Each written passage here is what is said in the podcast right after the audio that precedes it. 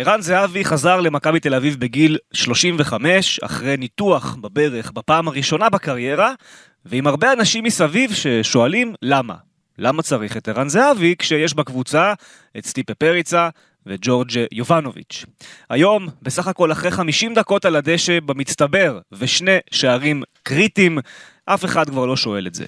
ערן זהבי שלח את מכבי תל אביב למשחקי הפלייאוף של הקונפרנס ליג, נגד ניס הצרפתית החזקה במיוחד, ועדיין, מישהו פה מוכן להמר נגדו? פודקאסט מכבי תל אביב, הגענו לחי פרקים. מתחילים. אתם מאזינים לפודקאסט מכבי תל אביב, בערוץ הפודקאסטים של וואן.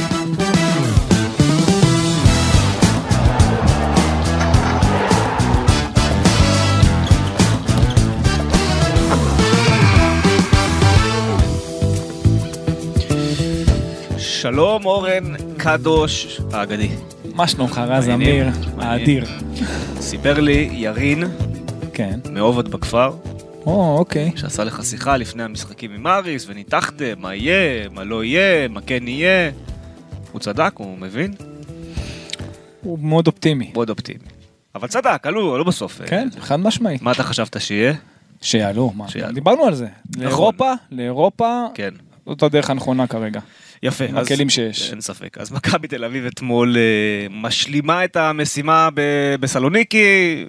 תשמע, אני חייב להגיד, ממה שאני שומע ככה מהשחקנים שמדברים איתי ומהחבר'ה של, אה, של מכבי תל אביב במועדון, מדברים על אווירה מטורפת, על מגרש שבגולים הדשא רעד, ממש אה, רעד, הרגישו את האדמה זזה מתחת לרגליים, אווירה חמה, אה, באמת, הם גם הרגישו, זאת אומרת שאריס ממש ניזונה מהאנרגיות של הקהל. כשהקהל היה בשיגעון, אז גם אריס דחפה ו- וניסתה לעשות דברים ו- ולתת את הגולים שלה, אבל בדקות שהקהל טיפה איבד אה, אה, אמון, הוא קצת היה מיואש, מכבי גם הרגישה איך המשחק פתאום אצלה הרבה יותר נוח ברגליים, ממש הרגישו שזו קבוצה שמונעת מתוך אנרגיות של אה, אוהדים, ולכן מבחינתם זה היה מה שנקרא אה, וי רציני, וי גדול על, על כל הערב הזה.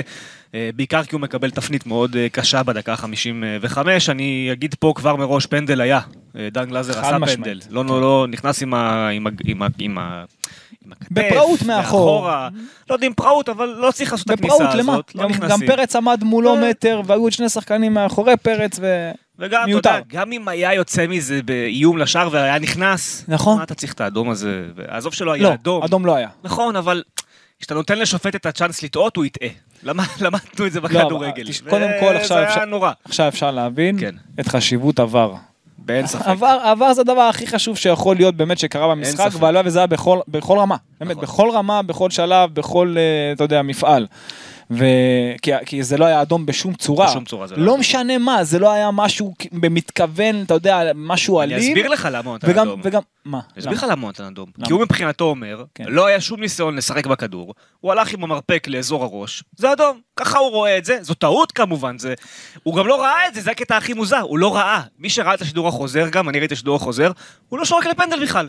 הוא עומד שם, אין לו מושג מה לעשות, הכוון מסמן לו פנדל, ואז הכוון הולך להגיד לו מה היה, הוא כל כולו... והוא על סמך מה שהכוון אמר, אמר אוקיי, אז אם הוא הלך עם המרפק לעבר הראש בתוך הרחבה, בלי כדור באזור, אז בוא ניתן לו גם אדום. השופט אה, כל אז כולו היה. היה מבוהל במשחק, נתן צהובים גם סתם לסבורית וליובנוביץ' שלא היה... לא היה, לא פה- היה שנייה בלי שריקה. אני אומר לך, זה היה משהו מצחיק. השיפוט היה השיפוט מצחיק לא היה ואני ואני מחמיא לו. נכון. כאילו ברמה כזאת, וזה לא היה אדום בשום צורה.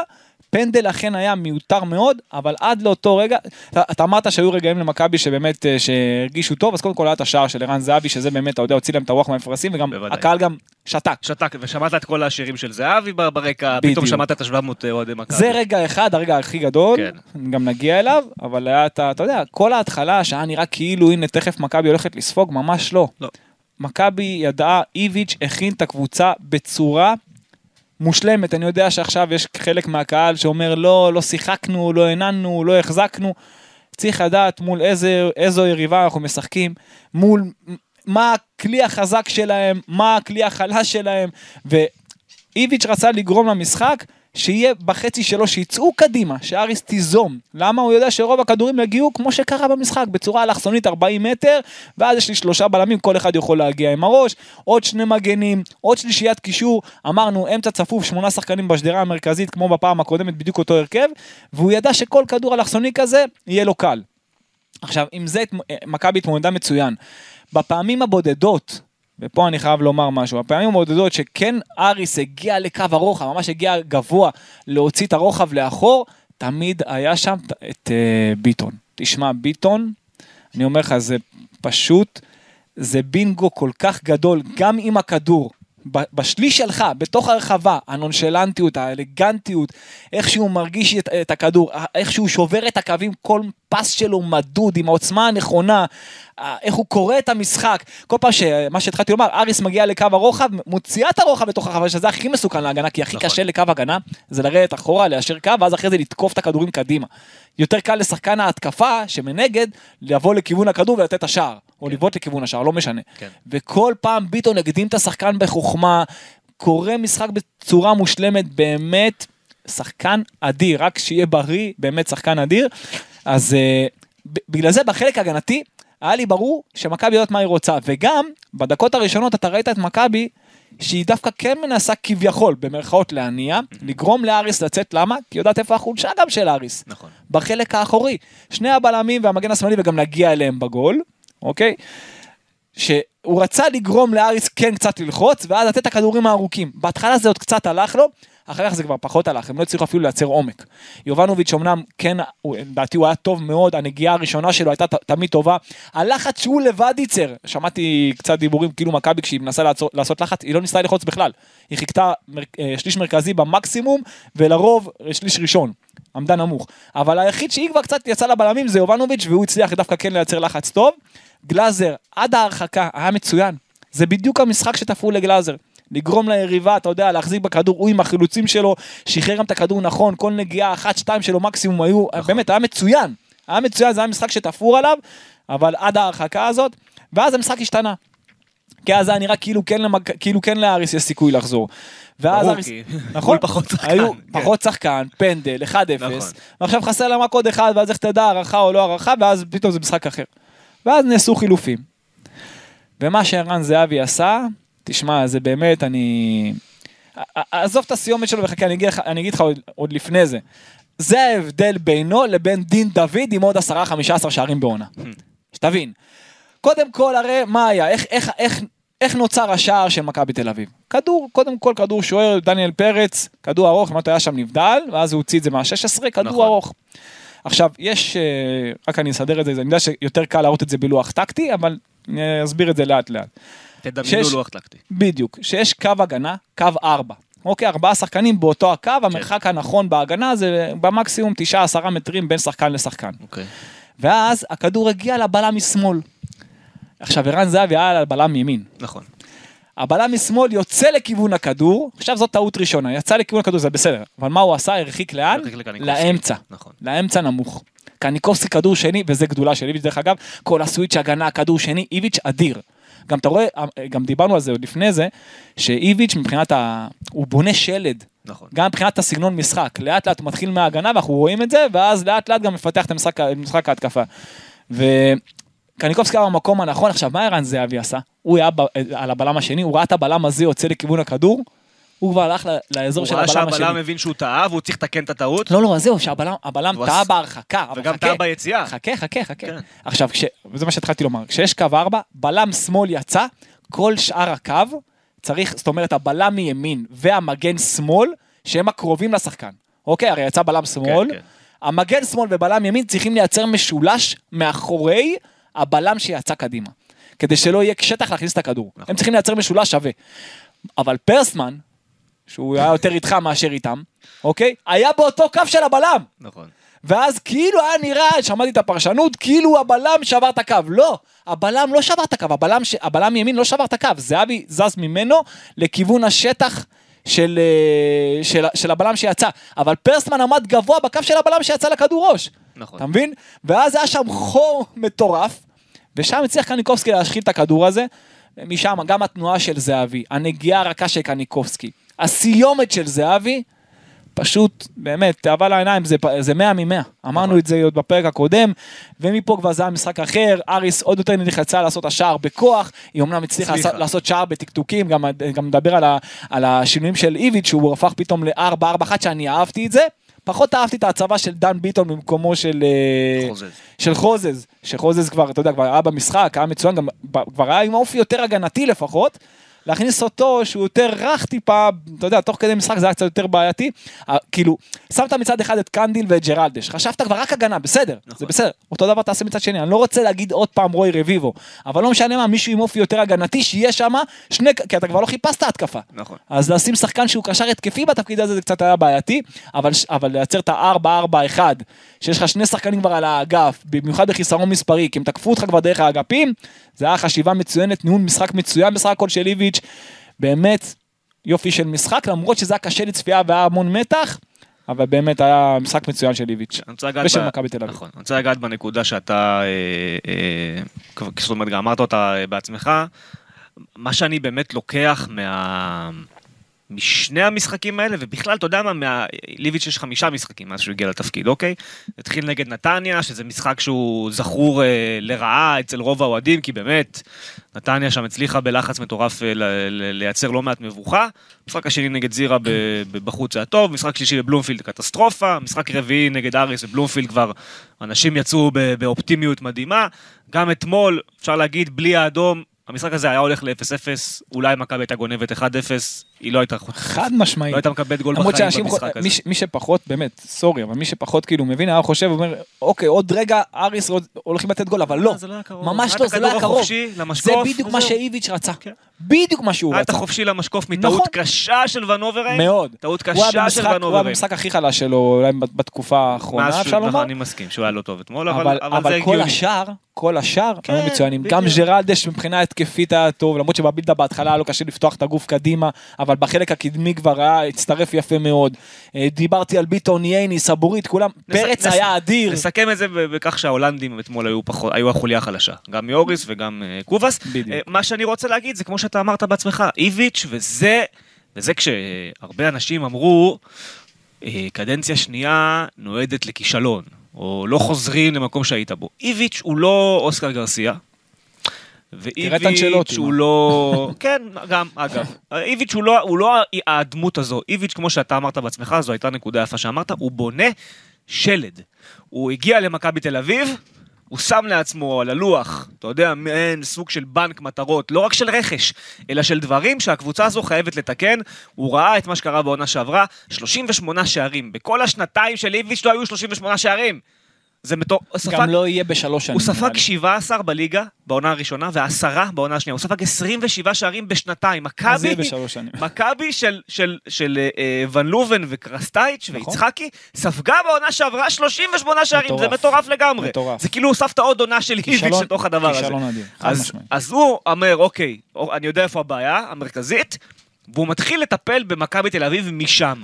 ועל זה, ולכן אני אומר, יש סיבה כן להיות אופטימי לא רק משחקני רכש שעוד יגיעו, ואנחנו אנחנו בסוף נגיע גם לקטע של השחקני רכש.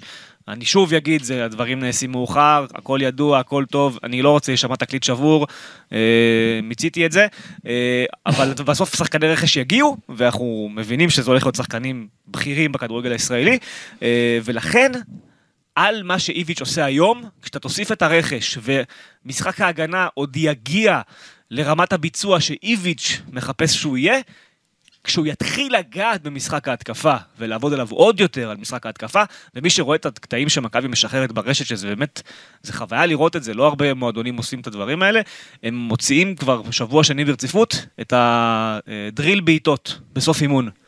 ואתה רואה את הבעיטות, אתה רואה את ה... איך הם עומדים בין הקונוסים, ואיך הם עומדים בין הדמויות של השחקן, ואתה רואה את ה... איך הכדור זז מ- מ- משחקן לשחקן, ואת ההשתחררות, ואת הבעיטה, ואת הפינישים. תשמע, זה יפה, א', כיף לראות את זה. נכון. כאילו זה עוד זווית שאתה לא מקבל, גם לי כ- כמי שמסקר את הקבוצה, גם לאוהד שרואה את זה בבית. אבל אתה אומר, אוקיי, כשכל הדבר הזה בסוף יור- יורכב לכדי מכלול אחד שלם, וזה לדעתי ייקח עוד משהו כמו חודש וחצי, חודשיים, בעוד חודשיים כבר תהיה פה קבוצה שאתה אומר, אוקיי, גם יכול להיות בעוד חודש. תהיה- אבל אני חייב תהיה להגיד לך פה משהו. קבוצה קבוצה. מה בלי שאמרת, קשר למה שיקרה מה נגד ניס. שאמרת זה הכי מדויק שיש, עזוב עכשיו רגע את ניס, מה שאמרת זה הכי מדויק שיש, כי זה ההבדל, לבנות השלד ודרך משחק ההגנה קודם כל, זה ההבדל בינך לבין כל היווניות באירופה. זה בדיוק ההבדל. גם מבחינת מכבי חיפה, גם מבחינת מכבי תל אביב, זה בדיוק ההבדל קודם כל, ואני חייב לומר משהו על משחק ההתקפה. כשמכבי הייתה, כן, ב-11 שחקנים עד הדקה ה-60, משהו כזה, אז- 55, ואז כן, היה שם את העיכובים של ה... כן, אז. אז אה, כשהיא הייתה ב-11 שחקנים, גם בחצי הראשון היו שלבים שמכבי, הרי מה אתה, אתה, היא רצתה כן לייצר את העומק, נכון. אבל כשאריס מצידה הייתה חכמה, היו כמה שלבים כאלה שהיא הייתה חכמה והלכה לאחור. והבינה וואלה למכבי יש רק שחקן אחד על כל אגף, יהיה להם קשה לתקוף אותנו כמו שצריך, הם מאוד באו זהירים, אז בוא נקרא, בוא נמשוך אותם אלינו. אז מכבי היא לא, אתה יודע, ניסתה לדחוף את הכדורים יותר מדי בכוח, היא דווקא כן ניסתה להניע, כשכבר, כשכבר אריס הלכה לאחור והייתה צפופה, היא כן ניסתה להניע בסבלנות, כן ניסתה להגיע לקו הרוחב, ג'רלדש הגיע לכמה נכון, פעמים לקו פעמיים. הרוחב, אה, גם חוזז, ולכן אתה רואה שמכבי גם מבחינה התקפית משתדרגת לאט לאט, משתדרגת, ואני חייב שוב, אני- וגם המרחקים ממשיכים נכון. להיות יותר טובים. ואני חייב רק להגיד בנושא הזה, שגם אתמול בתוך ה... כביכול, מי שבבית ראה ואולי נלחץ, או אולי הושפע מהפרשנות של המשחק, ובזה אני לא, ואני לא אוסיף עוד מילים מעבר לזה, אה, מי שראה את זה ככה, יכול להיות שבעצם נלחץ מסיבה שהיא לא ברורה, אבל היו גם כמה קטנות. שאתה אומר, אם קובאס טיפה מכניס את הפס יותר חד, או קניקובסקי היה לו איזה רגע אחד שהפס ליובנוביץ' לא, לא עבר.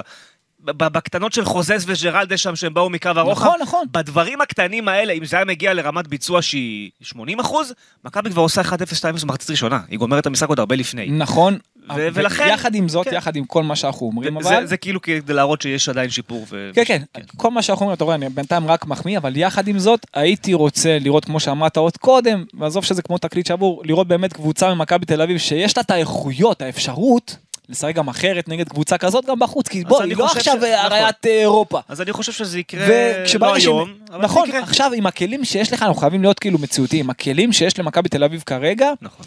פשוט אין. אי אפשר להניע את הכדור עם שני שחקנים על כל אגף כי אין לך, אין אין, לך. לך פשוט הכלים. הכוח שלך הוא בעומק, הוא בחוד. אני עדיין לא מבין איך קובאס פותח, סורי, אני לא... אני, גם אם לא זהבי פותח, אין לו כשירות, תן לאוסקר, בחייאת. די, אני אומר את זה כבר 200 פעם, לא יכול להיות שאוסקר אתמול לא שיחק לפני קובאס. עם כל הכבוד, קובאס השתחררות אחת פה ושם, אבל כשאוסקר משחק, אתה כל כך נהנה, הוא פשוט שובר שוויון כזה אדיר, וגם אתה יודע מה?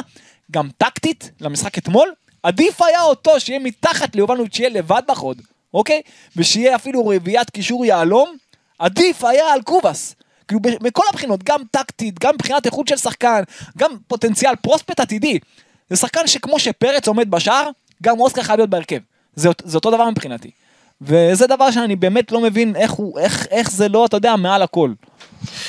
כן, טוב, אה, בואו נעבור לפינה הראשונה אה, לפודקאסט הזה, אה, הרגע של הערב. הרגע של הערב. פשוט יותר כיף שגיידר אומר את זה.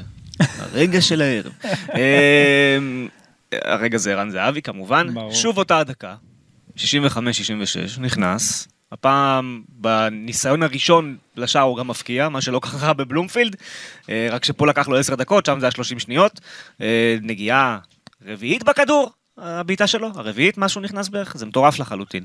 אה, ערן זהבי, ואני אני, אני שוב חוזר אליו, למרות שכאילו פתחנו איתו, אני שוב חוזר אליו. אני, אני חייב להגיד לך, שביחס לאיפה שמכבי תל אביב חשבה שהוא יהיה בנקודה הזו, לאיפה ש... למה שהוא עשה בפועל, זה אשכרה ערן זהבי ממשיך לכתוב את הסיפור שלו. אין דרך אחרת לתאר את זה.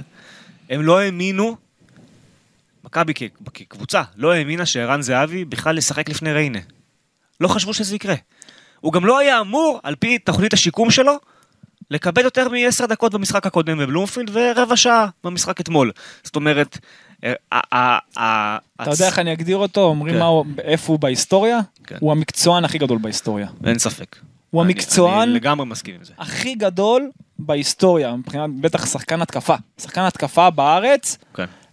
לא היה שחקן כזה. אנחנו צריכים להסביר שוב את העניין הזה. ש- היו שחקנים יותר מהירים, יותר טכניים, יותר, אתה יודע, שנותנים שואו, אם זה ברקוביץ', אם זה אוחנה, אם זה רביעי, לא משנה. היו, היה הכל, בניון, היה הכל. נכון. אבל מקצוען יותר ממנו, אני לא חושב שהיה, באמת. אנחנו, אנחנו צריכים, אה, אני חייב, אני, אני רוצה להסביר את זה, ובאמת השבוע, וח- וחבל לי מאוד שזה קרה, כן, אבל זה קרה, באה הדוגמה של מה שערן זהבי לא פגש לפני גיל 35. מנור סולומון, להבדיל, קורע מיניסקוס במשחק אימון של פולאם, אוקיי?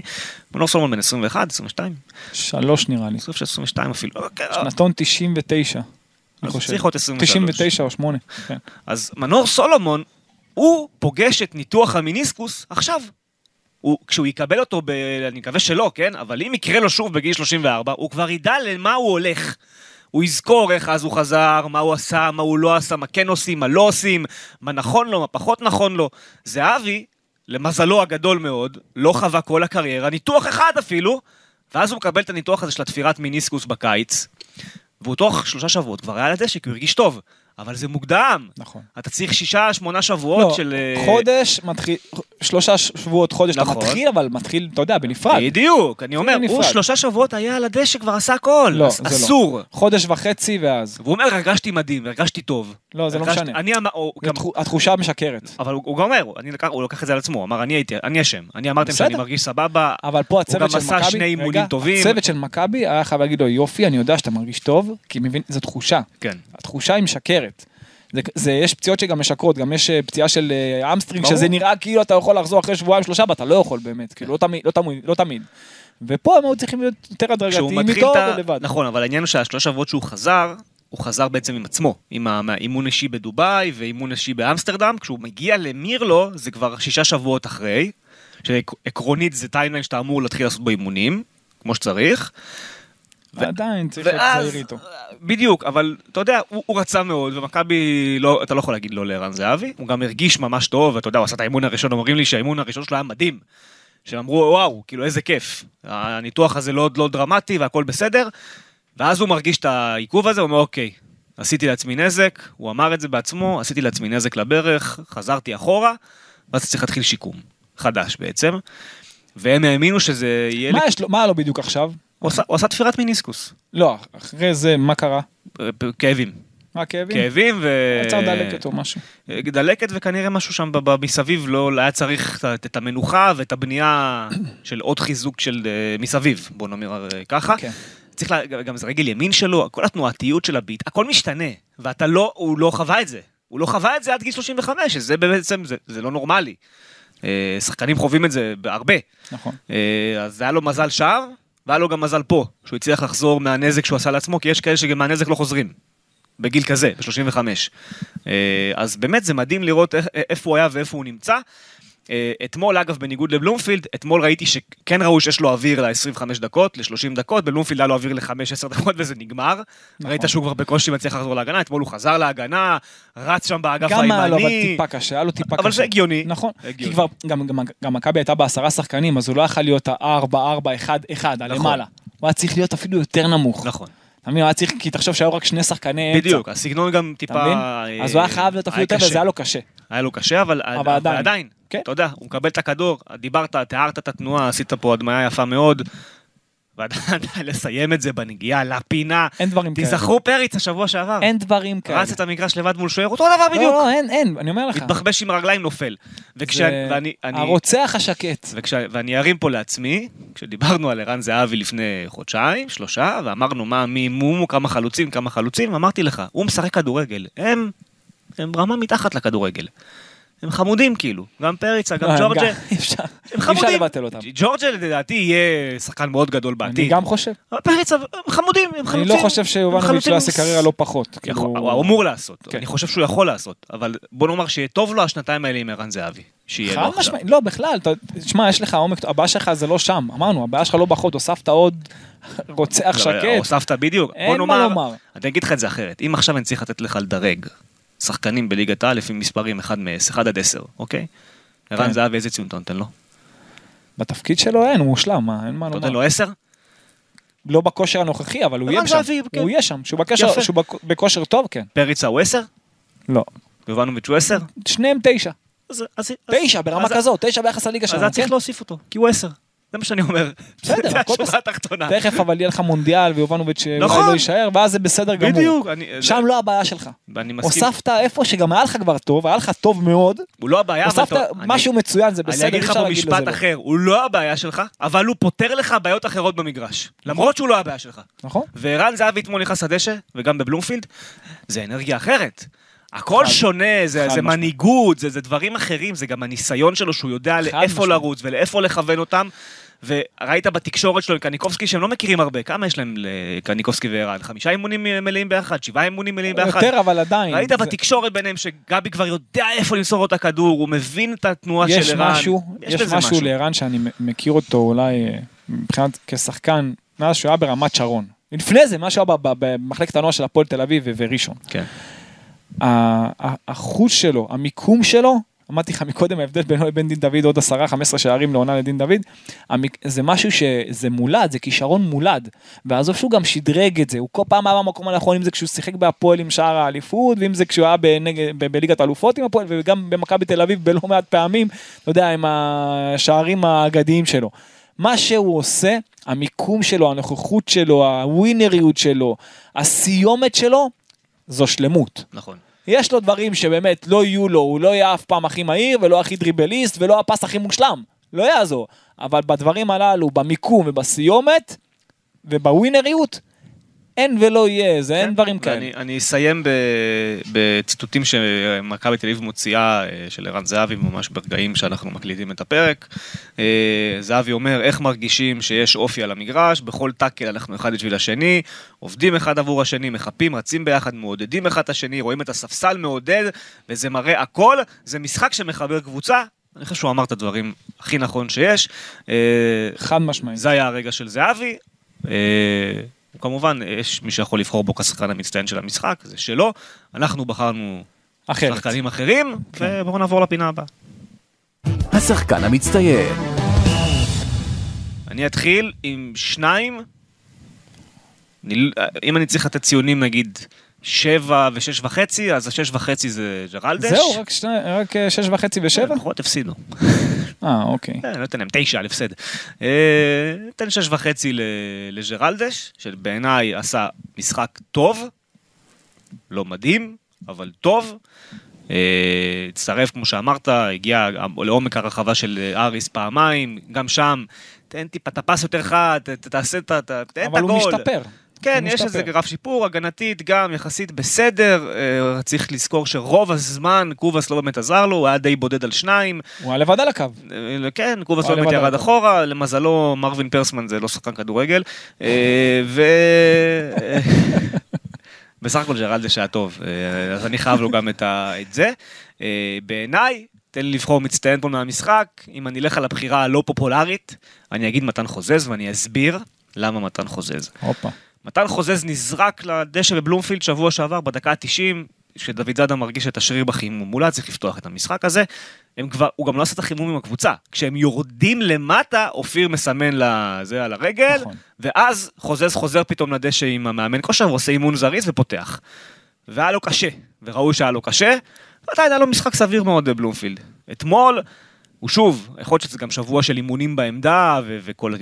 תהיה יודע, בטוח. עבדו איתו והסבירו לו והכל, אז ראית את השיפור, שרף שם שטחים בלי הפסקה, הרבה ריצות הלוך חזור, הלוך חזור על הקו לבד, אה, כושר גופני אה, פנטסטי, מהירות, מהירות, אני חייב להגיד בפן ההגנתי. עבודה קשה. זהו, בפן ההגנתי אני חייב להסביר למי שלא יודע, כשבא מולך שחקן ואתה רגל שמאל ברגל, זה אתה לימדת אותי, ומגיע מולך שחקן עם רגל חזקה, שהיא הרגל השמאלית, תן לו את קו ימין. בדיוק. מה הוא יכול לעשות? במקרה הכי גרוע, ירים איזה כדור שכנראה יהיה לא טוב. נכון. וזה קרה כמעט כל המשחק נכון, בעצם. נכון. היו איזה שני מקרים נקודתיים מאוד שהוא פתח להם את הקו והמגן פתאום עשה עבודה יפה והצליח כן להביא משהו לרגל שמאל, קורה, אבל אתה מעדיף שאלו הצ'אנסים שיעשו עליך ולא לתת לו לעבור אותך ולתת רוחב פשוט לגול. נכון. אה, אז באמת, למעט שני פספוסים קלים שזה יכול, זה יכול לקרות כי הוא גם לא מגן באמת, וזה, נכון. אתה מצפה שמישהו שהוא לא מגן אז זה יקרה לו. מעבר לזה, תשמע, להוריד בוא את לא הכל... נשכח, הוא קיבל שניים על הקו. קיבל שניים על הקו, שניים אה, מולו לא היו. קיבל עזרה אמיתית אה, רוב המשחק, נכון. וואלה כל הכבוד לו, אני חושב שבאמת מתן חוזז, מהמקום הנמוך שבו הוא היה בגומלין נגד זירה, עם בוז מדקה 25, כשאני אתמול עשיתי את הקטע על הקהל, ואמרו לי, מה אתה מדבר על הקהל, וזה, ולמה אתה נותן במה ל-20 אוהדים שתולים שלטים, זה, זה גם לא רק זה, זה, ה- זה ה-11 אלף האלה שבאו לבלומפילד ואחוז גבוה מהם, אה, עם בוז למתן חוזה לשחקן שלך, אמרתי, זו הייתה אווירה לא, מביך. הייתה אווירה לא נעימה. כן. אה, ושוב, זה לא נחלת כל הקהל, אני לא מכליל פה, אני מדבר ספציפית על מי שעשה מה שעשה. חוזה זה היה במקום מאוד נמוך לפני כמה שבועות. וואלה, אני חייב להגיד עוד משהו לו, בנושא שלו. כל הכבוד לו. בנושא שלו, זה שהוא הציב אותו כמגן, אז אנחנו מרימים גבה, הרמנו גבה וגם נרים. זה לא התפקיד שלו, נכון. אבל זה מוריד ממנו לפחות הלחץ של המספרים. נכון. וזה אולי משהו שיכול גם לשחרר אותו עתידית. אז ככה שגם זה, זה משהו שיכול לעבוד אולי עתידית. ואני לא מזכיר יודע שאיביץ' מאוד אבל- אוהב את חוזה.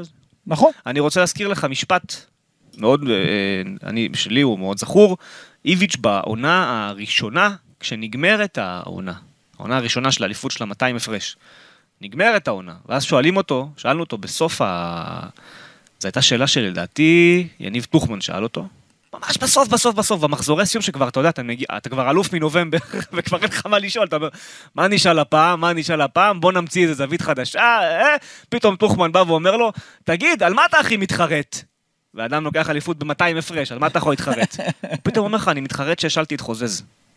הייתי צריך להשאיר את חוזז בקבוצה, לתת לו. כי, ראי- כי פתאום יש לך הזדמנות להביא להרבה שחקנים צעירים, העונה כבר גמורה, אתה יכול להריץ הרבה שחקנים, אז עכשיו הוא לא רוצה... חבל לי. חבל לי שחוזז אה, יצא להשאלה. ואז עונה אחרי זה הוא כבר נשאר. אבל זה מביא אותי למקום של כן. עכשיו על הצעירים, שזה מה שהוא צריך לעשות, שהוא צריך לחשוב על התשובה שלו אז, אני חושב שזה יקרה. ולתת קצת יותר לצעירים, כן, שזה אני- פחות קורה. שוב, צעירים אנחנו מדברים על שניים נכון, כרגע, שזה שניים אוסקר ורועי רביבו באיזושהי כוכבית שאנחנו עדיין לא יודעים מה רמתו נכון.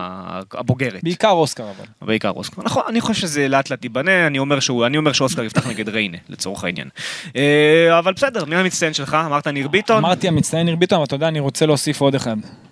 דניאל פרץ. דניאל פרץ עם משחק מאוד מאוד שקט, אני מאוד אוהב איך שהוא באמת, מה, איך, מה שהוא משדר, ואני גם חייב לומר שאני אוהב שהוא משדרג את הנושא גם מבחינת העדיפות שלו והסגנון שלו. היה לו לא מעט פעמים שהייתי רואה במשחקים שהיה עושה את העדיפות התיאטרליות יותר, שכאילו תראה איזה שואו, איזה, איזה, הפוך, תשדר, כאילו מה אתה בכלל בועט לי? אני רוצה שיגיע למצב הזה. שיבטאו לו אפילו לחיבור, שייקח, אתה יודע, ייתן נגיעה קלה שהכדור יקפוץ על הארץ ויתפוס את הכדור בחזרה, כן. שיגיד לשחקן, כאילו באיזה, מאיפה אתה בכלל, מה אתה חושב בכלל שאתה בועט לי לשער? אני אמה. כן, בדיוק כזה, תשדר לי את זה, תשדר לי את זה, תניע מהטולדו, הסגנון הזה. כן. לא אגיד, קח אותך עוד אחורה לזוף ולופה תיקח אותי לאיטליה, קח אותי לישראל, אני- אמה. הוא ברוב. אני רוצה את זה, אל תהיה, תשדר את זה, את הקור רוח בכלל, אתה יודע, להרגיש את ההגנה כל הזמן, להרגיש את היריבה כל הזמן, אתה יודע, לתת את התחושה כן. שאני פה בעל הבית, ואתמול הוא באמת היה מצוין, הוא נבחן לא מעט פעמים. מה שהוא שידר זה באמת היה מבחינתי מעל הכל, ואת זה הוא צריך לקחת קדימה. אני זוכר שאני הייתי... אה, עוד, עוד שחקן, סליחה, עוד שחקן, רגע, קניקובסקי שזה... זה משפט על דניאל, על הניימה לצורך העניין, אני זוכר שאז, בזמנו, אז אה, אה, אני חושב שיצחקי אפילו אמר את המשפט הזה לפני המון שנים. הוא אמר לי, אפילו את הנבדלים הוא היה לוקח. כן. הוא היה גומר אותך. כן. אתה כאילו לא שם לו גול כל המשחק, אתה באוף סייד, ראית שהכוון כבר הרים דגל. אתה בועט סתם, והוא לוקח גם, אתה כאילו גם מזה אתה מתעצבן. כן, כן. כאילו גם את הנבדל הוא לוקח לך. כן. זה היה הניימה. נכון. אה, אם דניאל פרץ יגיע לרמה כזו, רוח. אז וואו, אנחנו נהנה. ובקור, אני רואה, בדיוק, בקור רוח, ועכשיו, אה, והשחקן השני זה באמת קניקובסקי. קניקובסקי, כן. כל פעם שהוא משחק, ואני אמרתי לך את זה כבר משנה שעברה, לא בשביל להגיד אני אמרתי, כי השחקן הזה הייתה תקופה שהוא פחות שיחק, פחות היה מורגש, גם אצל איביץ', זה היה שחקנים שהוא מכיר יותר, אז נתן להם לפני. קניקובסקי זה הקשר הכי טוב שלך, ראית את ון אוברהיים, ראית גם את גלאזר, אתה רואה את כל מי שנמצא שם אם וכאשר, הקשר האחורי או 50-50, ראית את אה, גולסה אתמול, אין לך מישהו יותר טוב מקניקובסקי. קניקובסקי ויביץ' אין לך. יהיה סיפור אהבה בסוף. בדיוק, אין לך מישהו גם מבחינת העוצמות שלו, המחויבות שלו, הטכניקה שלו, הפס שלו, מה שאתה לא רוצה, זה 50-50, באמת נפלא. ורק רק צריך לתת לו כמה שיותר, זה מסוג השחקנים שאסור להם לרדת מהדשא. ו- ודרך אגב, במעבר של ה-4-4-1 הוא שם אותו שמאלה, פה כן. הוא פגע בו. בדיוק. הוא פגע בו, גם ירד לו הביטחון, גם נהיה הגול עליו. אז קצת נפגע לו לא- הביטחון. אנחנו- אנחנו לא יודעים למה חוזז יצא, אם זה כבר היה עניין של עייפות. נכון, אנחנו לא אה, יודעים. אולי ה-GPS שם מאותת להם. אבל, אבל עדיין, אל תיתן לקניקובסקי להיות. שם. נכון. זה היה החילוף הפחות טוב. שים שם, אמרתי, שים שם מגן, אז אפילו מגן שאתה לא בונה עליו, שיש שם. שחקן הגנה. עזוב עכשיו את קניקובסקי שם, זה פחות, זה פגע בו. אז, אה, אבל, אבל עד אז, עד השינוי הזה, באמת כן. פשוט אה, אדיר הוא על קר הדשא. דברים כאלה. כן. אמ, יאללה, אה, בוא, אני רוצה עכשיו להשתמש ביכולותיך כמבין כדורגל גדול. לא אז כזה, בוא נ- בוא נתווכח קצת. יאללה. נתון לוויכוח. טוב, אני אתן את ה... כתבתי פה הרבה על הדף. אני אתן את מה שכתבתי, ואחרי זה יבוא הצד שלך.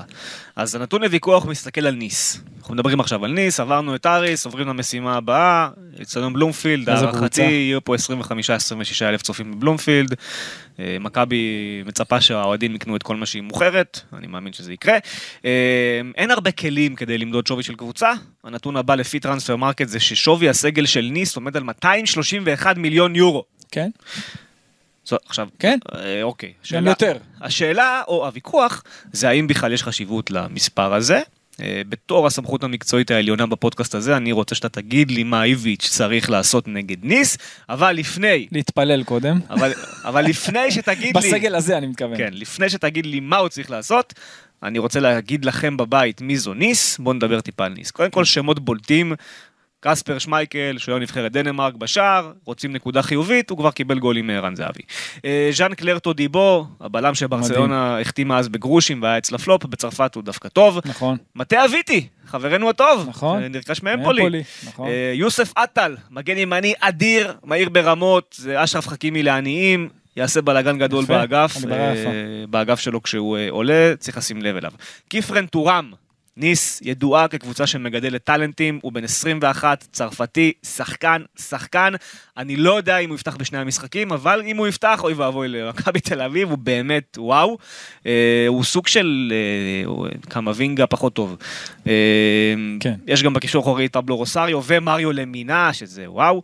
אה, מעליהם אירון רמזי, אנחנו מכירים אותו היטב, אה, ואז עוברים. למינה ביובה, לא? למינה היה ביובה? למינה היה ביובה, כן, הוא היה ביובה. אני זוכר מהפרמייר ליג. היה ביובה, היה במרסה? היה ביובה, בטח. יאללה, יפה, למינה. אז הנה עוד אחד שהוא גדול. אה, עוברים אה, להתקפה. אמר עוד רמזי שם. זה ברור, אמרתי רמזי. כן. אה, עוברים להתקפה שם, יש לנו את ה winger ההולנדי הנהדר, קלווין סטנכס, אבל הסיפור הגדול ביותר הוא בחוד. יש להם את קספר דולברג, הדני, נכון. ולידו. אמין גוירי. צרפתי שגדל בליון, לא גבוה מדי, מטר שמונים, יכול להיות גם חלוץ, גם כנף שמאל, מהיר ברמות, דריבל פסיכי, טכני, כוכב כדורגל. כוכב ענק, אין, אה. שחקן שיימכר ב- בלא מעט כסף בשנים הקרובות, בטח לאיזה קבוצה באנגליה ב-60-70 מיליון, זה מה שהוא שווה. בעונה שעברה עשרה שערים, תשעה בישולים בליגה הצרפתית, רובם ככנף שמאל, גם את המחזור הראשון של ניס הוא פתח בקו שמאל. הוא יותר כנף, חד אה, משמעית. אם מו וסטנקס ודולברג פותחים מול מכבי תל אביב זה כוח התקפי משוגע. אה, המאמן כמובן לוסיאן פבר בן ה-64 שחזר למועדון אחרי שהצליח איתו אה, מאוד, הוביל את ניס בזמנו למקום השלישי שזה המקום שיא עבורה. אחר כך אימן את אה, דורטמונד שנתיים, המטרה הגדולה שלו כמובן זה שוב לשחזר את המקום השלישי, להגיע לליגת האלופות עם ניס, אה, אבל אם אנחנו רוצים להגיד איפה הנקודה האופטימית, איך עוברים את הדבר הזה, איך מצליחים לעבור את ניס, אז שימו לב לדבר הבא. הליגה בצרפת כבר התחילה. מחזור ראשון ניס בחוץ נגד טולוז, אחת אחת. טולוז היא לא קבוצה טובה מדי. אחת אחת, התקשו. אה, ביום ראשון, ניס מארחת בבית שלה את שטרסבורג, יום רביעי היא תמריא לישראל, אוקיי? כשהיא חוזרת לצרפת, מחכה לה שוב ביום ראשון, משחק בחוץ נגד קלרמו, שראינו איך פריז סן ג'רמן פירקה אותה, נכון, אז סביר להניח שבבלומפילד יעלה ההרכב החזק. נכון. איפה, איפה הסיפור יכול להיות? אם מכבי תל אביב עוברת את המשחק בבלומפילד בשלום ולא מפסידה, תיקו או ניצחון, שזה יהיה סנסציה ענקית, כשהיא תגיע לניס, אוקיי? זה אחרי שלניס יהיה משחק, אמרנו, נגד קלרמון, וביום ראשון שאחרי הגומלין, יש לה בבית את מרסיי, שזו יריבה ישירה של ניס על הכרטיסים לליגת האלופות, וזה חתיכת משחק, ואני משער, וזה לא יהיה מופרך להגיד, שלוסיאן פבר יעשה לא מעט רוטציות במשחק מול מכבי תל אביב כדי לעבוד טרי זה באמת תלוי במשחק למשחק מול הראשון. מרסיי, ולכן זה מאוד תלוי במשחק הראשון, ופה הנקודה שבאמת לא יהיה מופרך להעריך ששם יהיה רוטציות מאוד רחבות. הסיפור הגדול הולך להיות בלומפילד. 25-6 אלף צופים בבלומפילד, מכבי תל אביב, היא חייבת במינימום תיקו כדי שיהיה לה סיכוי לעלות, עכשיו תגיד לי איך היא עושה את זה. אמרתי לך, קודם כל להתפלל, ובאמת לא בשביל להמעיט מהיכולת של מכבי תל אביב, אבל כרגע עם הסגל הנוכחי, ובלי גלאזר כמובן, הם באמת יהיו חייבים, אה, קודם כל לייצר, אתה יודע, עבודה טובה של קווים, להזמין אותם, זה, זה, זה קצת, אתה יודע, זה, זה להתבאס מהמשחק, זה לסבול, כמו אתמול, כמו אתמול מההרחקה. אתה צריך לחשוב, כמו מה- מההרחקה, ה-30 דקות הללו, 180 דקות, אולי אפילו יותר, אם תהיה הערכה, אתה יודע, הלוואי. אז uh, לייצר ממש שני קווים של חמש וארבע, אם זה, חמש, בהג- אם זה חמישה בהגנה או בקישור, ואתה יודע, ו- וכך גם ב... או רביעיית הגנה וחמישיית קישור, או ההפך, ולחכות מאחור, אבל אתה צריך גם כן ווינגרים באמת שיהיו טובים, אתה חייב להביא, אתה יודע, עד הזמן הזה, שחקן כמו יונתן כהן, לתת לפרפק ככה שיוכל לעזור, רק חלוץ אחד, אה, לוותר על אה, קובאס, להכניס עוד קשר, כמו אוסקר לדוגמה. ובאמת, אין לך גם יותר מדי, אתה באמת צריך לדעת להתגונן בצורה מושלמת, ובמעברים בינגו, כמו עם ערן זהבי. כן. אין לך באמת משהו שאתה, הרי אתה, אתה תבוא אנדרדוג וזה טוב לך. ברור. זה באמת טוב לך, אתה לא יכול לבוא ולהניע כדור, מי שמצפה עכשיו שאתה תבוא ותיזום לא, ותשלוט, לא לא. ואתה צריך כדורגל כאילו עכשיו אה, שוחה ונראה, לא יכול לקרות. לא. לצאת מהסרט הזה. אתה צריך להבין איפה נקודת התורפה שלהם, וזה יכול להיות מבחינת סגנון משחק. רק מהבחינה הזאת, כי מבחינת יכולת שחקנים, הם בכמה רמות מעליך. ממש, כאילו זה, זה לא, זה מה לא? לא, לא כוחות. ש- 190 מיליון רמות מעליך. יש להם, הכנף שמאל. גוירי זה, זה שחקן ששווה כמו כל מכבי תל גם אביב. קלווין סטנס הוא שחקן ענק. גם אה, דולברג החלוץ, גם זה, דולברג הוא זה, זה. לא, זה, זה לא, לא אותה רמה. אז ככה שבאמת אתה צריך באמת להתגונן כמו שצריך, לדעת, אני אתן לך את ה... אתה יודע, קצת מעבר, שהקו קישור שלך יקבל את ההתקפות שלהם. בגלל זה גם אני הייתי מעדיף רביעיית הגנה וחמישיית קישור, אוקיי. שהקישור שלך כבר ירוויח את זה, שלהיות יותר צפוף לא באמצע. לא מופרך שזה יקרה. לא, לא, להיות יותר צפוף כן. באמצע, ואז יהיה לך קו של חמישה בקישור, לא למשוך את זה אחורה עד ההגנה, לא מופרך שזה מה שהוא יעשה. וזה מה שהייתי רוצה להיות, אתה אני גם כאילו לא בטוח. אומר 4-1-4-1. בדיוק. 4-1, 4-1, ואז שה... ואז שה... מי האחד? האחד כרגע, אני מקווה. שזה, אני מקווה שזה יהיה פרץ. אני מקווה מאוד שזה יהיה פרץ לא פרץ. עשה שום דבר. הוא גם לא עשה הכנה, אז זה צריך להיות, פרץ. זה אה, זה ונוברים. ונוברהיים. כן, ונוברהיים. אני אשאל אותך את זה עכשיו אחרת. ונוברהיים או גולסה. אני אתן לך הרכב, תגיד לי אם זה מה שאתה חושב שצריך להיות. כן. אה, דניאל פרץ, אה, אנדרי ג'רלדש, ניר ביטון, סבורי דוד זאדה, כן, ונוברים, כן. כן. ימין, קנדיל, לא. מי ימין? פרפה? אתה יכול לתת לקובאס במשחק הזה שאני חושב על זה. לא פרפה? קובאס ככנף שהוא עושה הגנה. כן, הוא עושה הגנה, הוא גם פיזי, הוא כן? יהיה טוב לך. כן, אוקיי. ספציפית למשחק הזה אתה תהיה חייב אותו. קובאס, קניקובסקי, קובאס, קניקובסקי, אה, ונוברהיים וגולסה, או אוסקר, וצד שמאל חוזז, או אוסקר, בחמש. צד שמאל חוזז, כי הוא גם מבחינה הגנתית. וחלוץ עם ערן יכול לזה. אתה חייב כנפיים שיעשו לך הגנה כמו שצריך. נכון. שהם יקבלו את ההתקפה של אה, ניס. כן. ברגע שהם יקבלו, תחשוב, חוזז עכשיו שיחק מגן. אז הוא ישחק כקשר, יהיה לו יותר לצאת נוח. קדימה. בדיוק, יהיה יותר נוח. ויהיה לו את העזרה, תחשוב שיהיה לו שחקן מאחורה. והוא יצ- הוא יצטרך לדעת לעשות את הסגירות האלה כמו שצריך לקבל את ה... הוא יצ- הוא יצטרך לקבל את ההתקפות של ניס מהקו. כן. אותו דבר קובאס. נכון. בסיטואציה הזאת, עכשיו שאני חושב על זה עוד יותר לעומק, זה האידיאל. שהחמישיית קישור תהיה, אתה יודע, כזאת שהיא אגרסיבית, שהיא טובה, שאפשר עם הפס הנכון לעומק על יובנוביץ' ואחר כך את זהבי להרוויח. בגלל שאתה רוצה מעברים, ולתחושתי הוא לא יפתח עם אוסקר, כי גם יש ריינה ביום ראשון, לא לשכוח את זה, הליגה חשובה למכבי, צריכה לפתוח אותה טוב, אחרי שהיא פתחה את העונה הזוועה בשנתיים האחרונות. לתחושתי, שים לב מה אני אומר לך, מה יהיה? ריקן או גולסה. לא. פרפה וגבי קניקובסקי, שניים באמצע. ומתחת ונובר. זה יהיה התקפי מדי. אבל אם. ההוראות שלך הן הגנתיות. התקפי בשביל מדי. המעברים, פרפה וגבי למעברים, יכול להיות מפחיד. זה גם יכול להיות טוב כפרפה במקומו של אוסקר, אבל אני הייתי כן. מעדיף את אוסקר. גם אוסקר זה התקפי. אני חושב, כן, אבל אוסקר אה, הוא גאון, הוא בפס אחד יכול לשבור לך את כל ההגנה שלהם, אתה יודע, באיזה מעבר. כן. אוסקר זה גאון כדורגל, אני מבחינתי. מעניין, אבל אנחנו משחקים, אבל זה כן, זה יהיה- 4-1-4-1 זה האידיאל. אה, הדילמה של איביץ' לפי דעתי צריכה להיות. אם זה יהיה 5-4-1 אוסקר- או לא, לא, 4-1-4-1. לא, לא. אה, אה, מבחינתי. אה. מבחינתו זה יכול להיות או כן. 5-4-1 או 4-5-1. כן. אבל מבח- מבחינתי, הדילמה שלו צריכה להיות אוסקר, סלאש פרפה, סלאש גולסה. בסדר. זה הדילמה שלו, עמדה אחת. כל השאר צריך להיות סגור, שמע, זה כאב ראש כיפי למאמן. נכון? שאתה מוסיף על זה את דור פרץ עוד מעט. נכון. יש לו ים של אה, אה, מטרות, תן לי את ה... בסיכויים, האחוזים, תן לי את האחוזים, מכבי נגד ניס. מה, הסיכויים של לעבור, בסך כן, הכל לא, 15 אחוז. לעבור, מה, לסיים ב... 20 אחוז. בכבוד? ברור שלעבור. 20 אחוז לעבור? כן. 80 אחוז ניס. ואני אופטימי. 60-40. ברמה כזאת? כן. וואי, הלוואי. 60-40, כי לתחושתי, הם יבואו, מה זה מזלזלים לבלומפילד, ואז, ואז יש לך פתח. זה התחושה, אבל זה סתם תחושה. כן, אבל תחשוב שזה משחק פלייאוף, אם פה הם עולים Conference זה אירופה, זה עונה אירופית. הם לא, הם לא יבואו לזלזל קבוצה במשחק בלי הזה. מסורת אירופית, אני לא יודע כמה המפעל הזה מטריד אותם. לא, זה מפעל בדיוק לקבוצה מהסדר גודל הזה. אתה ראית את רומא אשתקד נכון. בפיינורד וקבוצות כמו... אבל, אה, אבל שוב, העניין באמת זה הגישה. כי אם לוסיאן פבר אומר לעצמו, קבוצה מישראל אני צריך לעבור גם בהרכב שני, הוא יכול לבוא לכם בהרכב שני. לבלומפילד פתאום. רגע, רגע, אם הוא... שוב? ברור, הלוואי, אם הוא יזלזל בך, הלוואי, חלום שלנו. נקודת המוצא שלי שהוא מזלזל. הלוואי, אבל זה... הוא מאמן בן 64, אתה- אתה לא יכול, אתה הוא לא- מיושן קצת, אימן במקומות גדולים. הוא אומר, מה נאמר- זה זה, תראה, נגד אריס הפסיד, אה, אפשר לזלזל. יכול להיות, הלוואי, לגיטימי לחשוב אתה לא ככה. צריך לקחת, אתה- להגיע למקום. אתה צריך להתכונן להכי טובים. נכון. תתכונן להכי טובים, הכל יהיה בסדר. כן, מסכים איתך. אה, יאללה, פינה אחרונה. ועכשיו, המלפפוניאדה. נעשה סיכום של אה, חדשות השבוע, מה שנקרא. אה, דור פרץ, אלי דסה, הדברים שם מאוד מאוד קרובים לחתימה.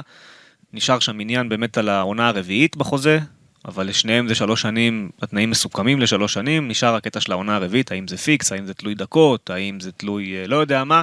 אה, זה, זה, זה כבר הסוף של המשא ומתן, זה צריך זה שם, להיסגר. אני רק אגיד פה משפט אחד שאני חושב שאני חייב להגיד אותו.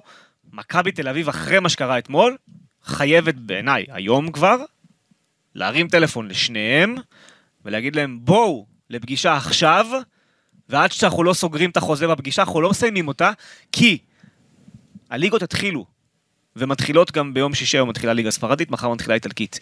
אם בטעות, אוקיי, במחזור פתיחה, או במחזור שני-שלישי בצרפת ובליגות אחרות שכבר התחילו, גרמניה וזה, פתאום איזה מגן ימני קורע צולבת, אוקיי, בתחתית ליגה גרמנית נגיד, או איזה קשר קורע צולבת, וזה קורה, דברים שיכולים לקרות. הסתכלו, רגע, מי חופשי עכשיו בשביל להגיע במיידי? ופתאום הם שם, אתה לא רוצה להיות במקום הזה שכבר, אתה כבר היית על סף חתימה, ופתאום נכנסת לך ההצעה הזו שגונבת אחד מהם.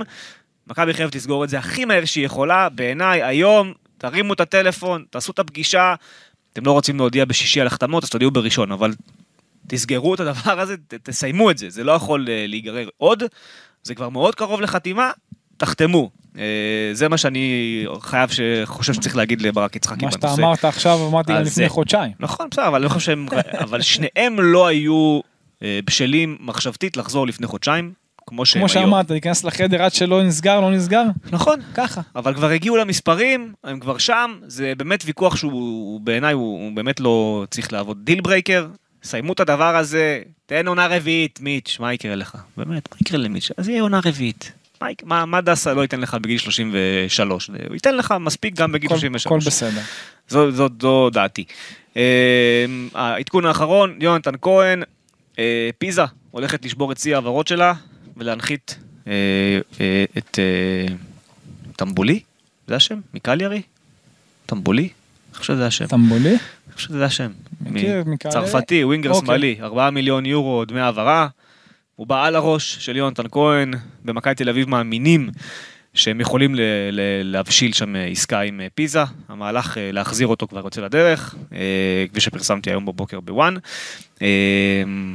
זהו, הולכים להחזיר גם אותו, זו המטרה האחרונה, בוא נאמר, שלושת הליגיונרים האלו, מכבי רוצה לסיים את דסה ופרץ השבוע, תחת שבוע הבא. ואת יונתן, בוא נאמר שעד סוף חלון באיטליה, מכבי מאמינה שהיא תצליח לסיים את זה, ולהחזיר גם אותו, ואז אתה בעצם נשאר עם הקטע של הבלם הזר, שכמו שאני רואה את זה כרגע, מכבי תחכה לסוף החלון האירופי, בשביל לאסוף אה, אה, בלם ש... שנתקע, כמו שאומרים, או בלם שלא היה מוכן להגיע לפני ועכשיו כן יהיה מוכן להגיע. אה, ואז אנחנו נשארים עם הקטע הזה של אה, יש לך מלא זרים. בספסל, אה, שאתה צריך להחליף את אחד מהם בעוד זר, אני מניח שקובאס ישלם את המחיר, ומקודם אמרתי לך, תרכב לניס, אז אם מכבי מחזירה את פרץ דסה יונתן, שבעיניי אנחנו ב-90% אפשרות שזה כל אלה קורים, אוקיי? אנחנו מגיעים למצב שיש לך הרכב, שכמו שאיביץ' רוצה לשחק, הוא רוצה כן. את ה-4-3-3, יש לך נכון. דניאל פרץ, אלי דסה, ניר ביטון, בלם זר, סבורית, בעיניי דור פרץ, או גלאזר, או מה שזה לא יהיה, אה, גבי קניקובסקי, ונוברים, אוסקר גלוך, אה, פרפה, אה, יש, יש שם עומק מטורף, יוני כהן, ווינגר זר, שזה גם יכול להיות פרפה אגב, אבל אחד מהם, ערן זהבי או יובנוביץ', אנחנו מדברים פה על הרכב שהוא עם שלושה וחצי זרים, נכון. יש פה איזה אולי ארבעה זרים אתה ממש רוצה זה, ויש לך עוד שניים בספסל, ובמשחקים, לא מעט משחקים יהיו לך גם שלושה זרים אה, אחד אה, על הספסל, בספסל. אחד מתקבל על הספסל פריצה. אחד מתקבע בלי שום קשר כי הוא חייב, כי זה נכון. החוק. יש לך עוד לא, לא, אני שניים. אומר אחד מתקבל, שיש לך פריצה או יובנוביץ' כן. וערן זהבי, זהו מתקבל, אוקיי? נכון, כל השאר פחות. נכון.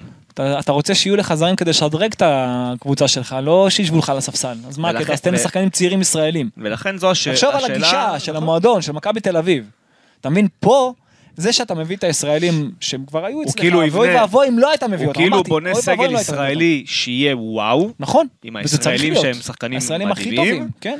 ועל זה אתה מלביש זרים שאתה אומר לעצמך, אוקיי, אבל הזרים שאני מביא, לא משדרגים אותי. אני לא יכול להביא מגן יותר טוב מאלי דסה, נכון, אני לא יכול להביא בלם יותר טוב מניר ביטון, נכון. אני לא צריך להביא שוער במקום דניאל פרץ, אבל אתה שום- יכול- אבל אתה שנייה. יכול להביא מגן שמאלי או בלם. אוקיי, שנייה, אני אומר, אין שום סיבה לגעת את דניאל פרץ, אתה נכון. לא יכול להביא ואתה לא צריך להביא קשרים על הראש של גבי ואוסקר, בכלל, כל מה שיש, העומס בקישור. יפה, עכשיו אם אתה מחזיר את יונתן כהן, הייתי אומר אוקיי, אז תביא ווינגר במקום יונתן, אבל יונתן כהן, לא, אתה לא צריך להביא ווינגר במקומו, אז אני אומר, אולי כאילו מחשבתית, נגיע לזה באמצע ספטמבר, כן, אם באמת הכל יקרה.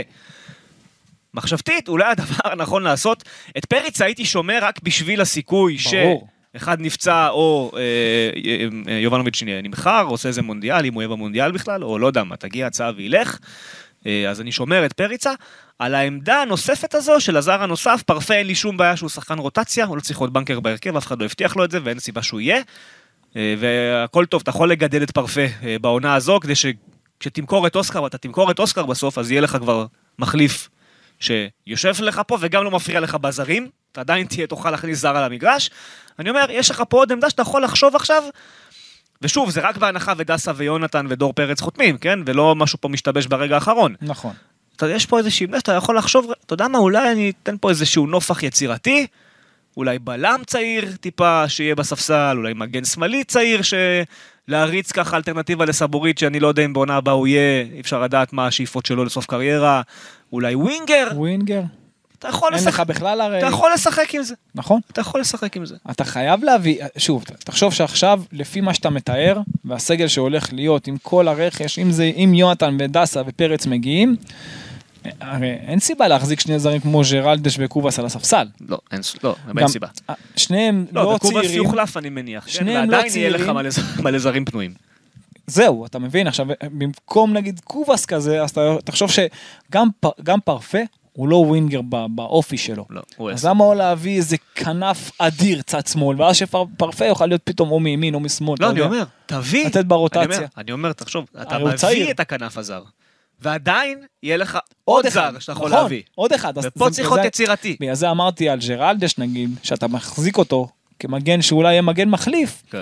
זה, זה מיותר, במקום להריץ אפילו ישראלי כזה שיש לך. קנדי. נכון, אבל אה, לא, אני לא, אני אמרתי לך מההתחלה איך שאני רואה את זה, ג'רלדש לא ילך. ג'רלדש יישאר. אני יודע שלא אכפת לך, לא, שזה- לא רע לך עם זה, אבל בזרים היית צריך להיות, אתה יודע, בטופ. אין סיבה שמכבי חיפה תנחית פה שני, שלושה זרים בינגו. זה לא שעכשיו יש להם אה, מנהל מקצועי עם הניסיון הכי גדול, אבל אתה רואה שהם עובדים שם נכון. כן. עובדים שם מאוד מאוד נכון. ואתה שדרגת את הקבוצה במקומות שכבר יש לך עמדות טובות, חוץ אני מביטון, אגיד לך מה ההבדל אבל? ואתה, באיפה שאתה, אתה, אמרתי לך, המבחן של אה, אני הניהול אני המקצועי, זה אבל. בזרים. כי את הישראלים הכי נכון. טובים להביא זה קל, כל אחד יכול להביא. נכון, אבל אני אגיד לך איפה ההבדל. שמכבי תל אביב, אם באמת הכל קורה, כרגע זה באמת, כל זה לא חתום, זה לא חתום, אבל באמת, אם הכל קורה, מכבי חיפה, כדי להעמיד את ההרכב הכי חזק שלה, צריכה שישה זרים על הדשא. מכבי תל אביב לא. נכון? ופה, פה בעצם הנקודה שהיא זה לטובתך, יכולה כן. לשבור שוויון למכבי, אבל אם באמת ש- היא תפגע בווינגר אבל הזר. אתה יכול להיות פציעה פה, פציעה שם, בסדר. ודברים כאלו קר- אני אומר, קורים. אבל אם אתה מביא את הווינגר, אני אומר, איפה שמכבי תוכל לשבור את השוויון זה בבלם, אם באמת הוא יהיה טוב, ובווינגר הזר, אם באמת זה יהיה משהו שהוא אה, בינגו, ואז ליצחקי בסוף חלון, בתיאוריה, כן, הוא יכול גם לשמור את זה לינואר, כמו שאתה אומר, הוא יכול להחליט שהוא נשאר עם ג'רלדש או קובאס. ואחד מהם נשאר, כאילו, ומחליף ויאללה, אתה יודע, מתי ששחק ישחק. הוא יכול להחליט שהוא מחכה עם זה לינואר. אבל יכול להיות שבסוף חלון, אתה יודע, 15-16 בספטמבר, פתאום תיפתח לו הזדמנות להביא עוד איזושהי עמדה, שאתה אומר, אני בונה אותה עכשיו, שחקן שצעיר יותר, אני בונה אותו לקראת העתיד שלי, שבינואר יתחיל לשחק יותר, שבעונה הבאה ישחק יותר, וכאילו, אתה אומר, אתה חוסך אני- לעצמך, אני אני יותר אגיד לך, אתה. אתה כאילו אומר, עונה הבאה אין רכש, אני כבר מוכן. אני אתה מגיע מבעד. לעונה הבאה ב-100% מוכנות. אני יותר מבעד, אבל כבר עכשיו צריך לך ארבעה זרים תותחים בהרכב. בסדר, דיברנו- ארבעה. דיברנו על זה לא מעט. כן, נכון. אה, בסדר, זה, זה המצב. אני, מה שאני בא להגיד, עם דסה ויונתן כהן, חלון שהיה נראה מאוד מאוד מאוד מאוד בעייתי, יכול להפוך להיות לחלון שמסדר אותך עכשיו ארבע שנים קדימה. חד משמעית. זה מה שיכול לקרות. נכון? ו- ואם זה יקרה, אז כל הכבוד למיץ' גולדהר, וכל הכבוד לכל מי שיעשה את זה, ליצחקי, לאיביץ', למי שזה לא יהיה. אם יצליחו להחזיר את כולם, בחוזים לארבע שנים, וואלה, להסיר את הכובע. אה, אבל, זה היתרון כשיש לך את מיץ' גולדהר כבעלים. אבל הדבר היחידי הוא שאל תשכח, גם לזמן יש משקל. נכון. ולחבר את כולם כמה שיותר מהר, אתה יודע, הם לא התאמנו עם קבוצות גם, אתה נכון. יודע. לא, יונתן כהן. לא, אני מדבר על. דסה ועל אה, ועל פרץ. אבל הנה, אז יפה, אבל אני אתן לך פה את הנקודה. דסה, ניר ביטון. משחקים ביחד בנבחרת. נכון. אה, יונתן, אה, עם- כל האלה עדיין, להחזיר. אותם, אתה יודע, את השילוב שלהם יחד עם מכבי תל אביב, עם הקבוצה, עם השחקנים, זה לא ביום, יש כאלה שכן, והלוואי. אז ייקח, נכון, אבל אתה יכול, יכלת. אולי, אולי יכלת, אולי לא יכלת יותר נגד. ניס. אה, אוקיי, נגד? ניס. אולי יכלת נכון. יותר נגד ניס, אני חושב, אני. חושב שלא היית יכול באמת, כי אנחנו, אנחנו לא יודעים את הפרטים של ה... זאת אומרת, את התחושות הפנימיות של דור ודסה עד הסוף אנחנו לא יודעים, כי הם לא מדברים. זה לא שהם יצאו החוצה ודיברו. כשהם כן יצאו החוצה ודיברו, שמעת את דור פרץ אומר שהוא מאוד מפחד מלחזור, כי תדבק בו התדמית של המפסידן, הוא אמר את זה בריאיון. ודסה, כשאחרי משחקי הנבחרת אמר, אני לא רוצה לחזור לישראל, אני, אני רוצה להישאר באירופה, הוא גם אמר, אני אשאר. יותר מזה, אמר אני אשאר, אבל אין לו אירופה, אתה מבין? אין לו אירופה ביד שהוא יכול ללכת. אז, אז דברים, זאת אומרת, הלכו ונבנו תוך כדי החלון. אה, גם אמרתי את זה פרק קודם, דסה, יונתן, דור פרץ, הם לא בעיה בעיניי, כי אם תחזיר אותם גם בספטמבר, אז תחזיר בספטמבר, הכל בסדר. הסיפור זה הזרים, שהיה צריך לעשות פה דברים יותר מוקדם. קובאס, לא היה צריך להיות פה, היה צריך להיות פה אה, ווינגר, ובלם היה צריך להיות בים, אה, בלם. אלו שתי הנקודות שלא קרו, ויקרו באיחור. גם עכשיו שאנחנו מדברים, אין לך לא ווינגר ולא בלם שהולכים לחתום. עכשיו אני אקח אותך חודשיים אחורה, כן. שאמרו לך לא צריך לחכות, לא צריך זה, אז אתה רואה שלפעמים גם ה- להיות סבלני טיפה ולתת לבן אדם את הזמן להבין שפה זה המקום הכי טוב בשבילו, כי אם נכון. אתה לא משחק, אני אני ככה אני חושב, אוקיי, אם אתה לא כן. משחק בגרמניה, איטליה, ספרד, אנגליה, צרפת, אבל משהו שאתה- שאתה משחק הרכב, כן. אוקיי, בליגות הללו, אם אתה לא שם בטופ, לא אומר במילאן אינטר וכאלה כן, יונייטד, כן, כן. אם אתה לא שם במקום הזה, בוא ואתה נגיד, יכול להיות פה מלך במכבי תל אביב, נכון. באזור הנוחות שלך, עם המשפחה שלך, עם החברים שלך, עם החיים שלך, נכון. עדיף פה. בוא נגיד שאין מושלם, אין דבר כזה חלון מושלם, לא יכול להיות חלון מושלם, וגם מכבי נתניה, שבתחילת חודש יוני התלהבה, שהיא הקבוצה הראשונה שסגרה את הסגל, פתאום אין לה את עדן קרצב. נכון. אז אין, אין מושלם, תמיד דבר, כשחלון פתוח, זה ג'ונגל. ובסדר, את, את, את דעתנו על ענייני הבלם והכנף כבר אמרנו, וזה כבר תקליט אה, טחון, ואני שמח ששמרנו את זה לסוף הפרק ולא ביאסנו מההתחלה, אה, אבל גם זה, בסוף גם זה יהיה. אה, אם ההמתנה תהיה שווה את זה, תהיה שם. אז, אז וואלה, כל הכבוד, מה אני אגיד לך? רק שיקרה. אה, זהו, זה היה הפרק אה, שלנו. אנחנו ניפגש כמובן אחרי ניס, אה, ביום אה, שישי בבוקר. אין לך איזה סיפור אה, משהו לתת? משהו קצר, קטן? מישהו הגיב לי שהסיפורים שלך יותר מעניינים ואתה צריך אמרת לי את זה. כבר. אז אתה צריך את הסיפורים, מה? אני אחשוב על אתה סיפור צריך לתת הפעם. הבאה. סיפורים. יש לי סיפור ברגע שיונתן כהן יגיע, ופרץ. אם יונתן כהן- ופרץ מגיעים, יש לי תן את סיפור. הסיפור של פרץ, כי פרץ יגיע. לא, לא. כשיגיעו את שניהם אז אני אתן. לא, זה לא... זה לא. ניתן, אתה נשמור את זה לא.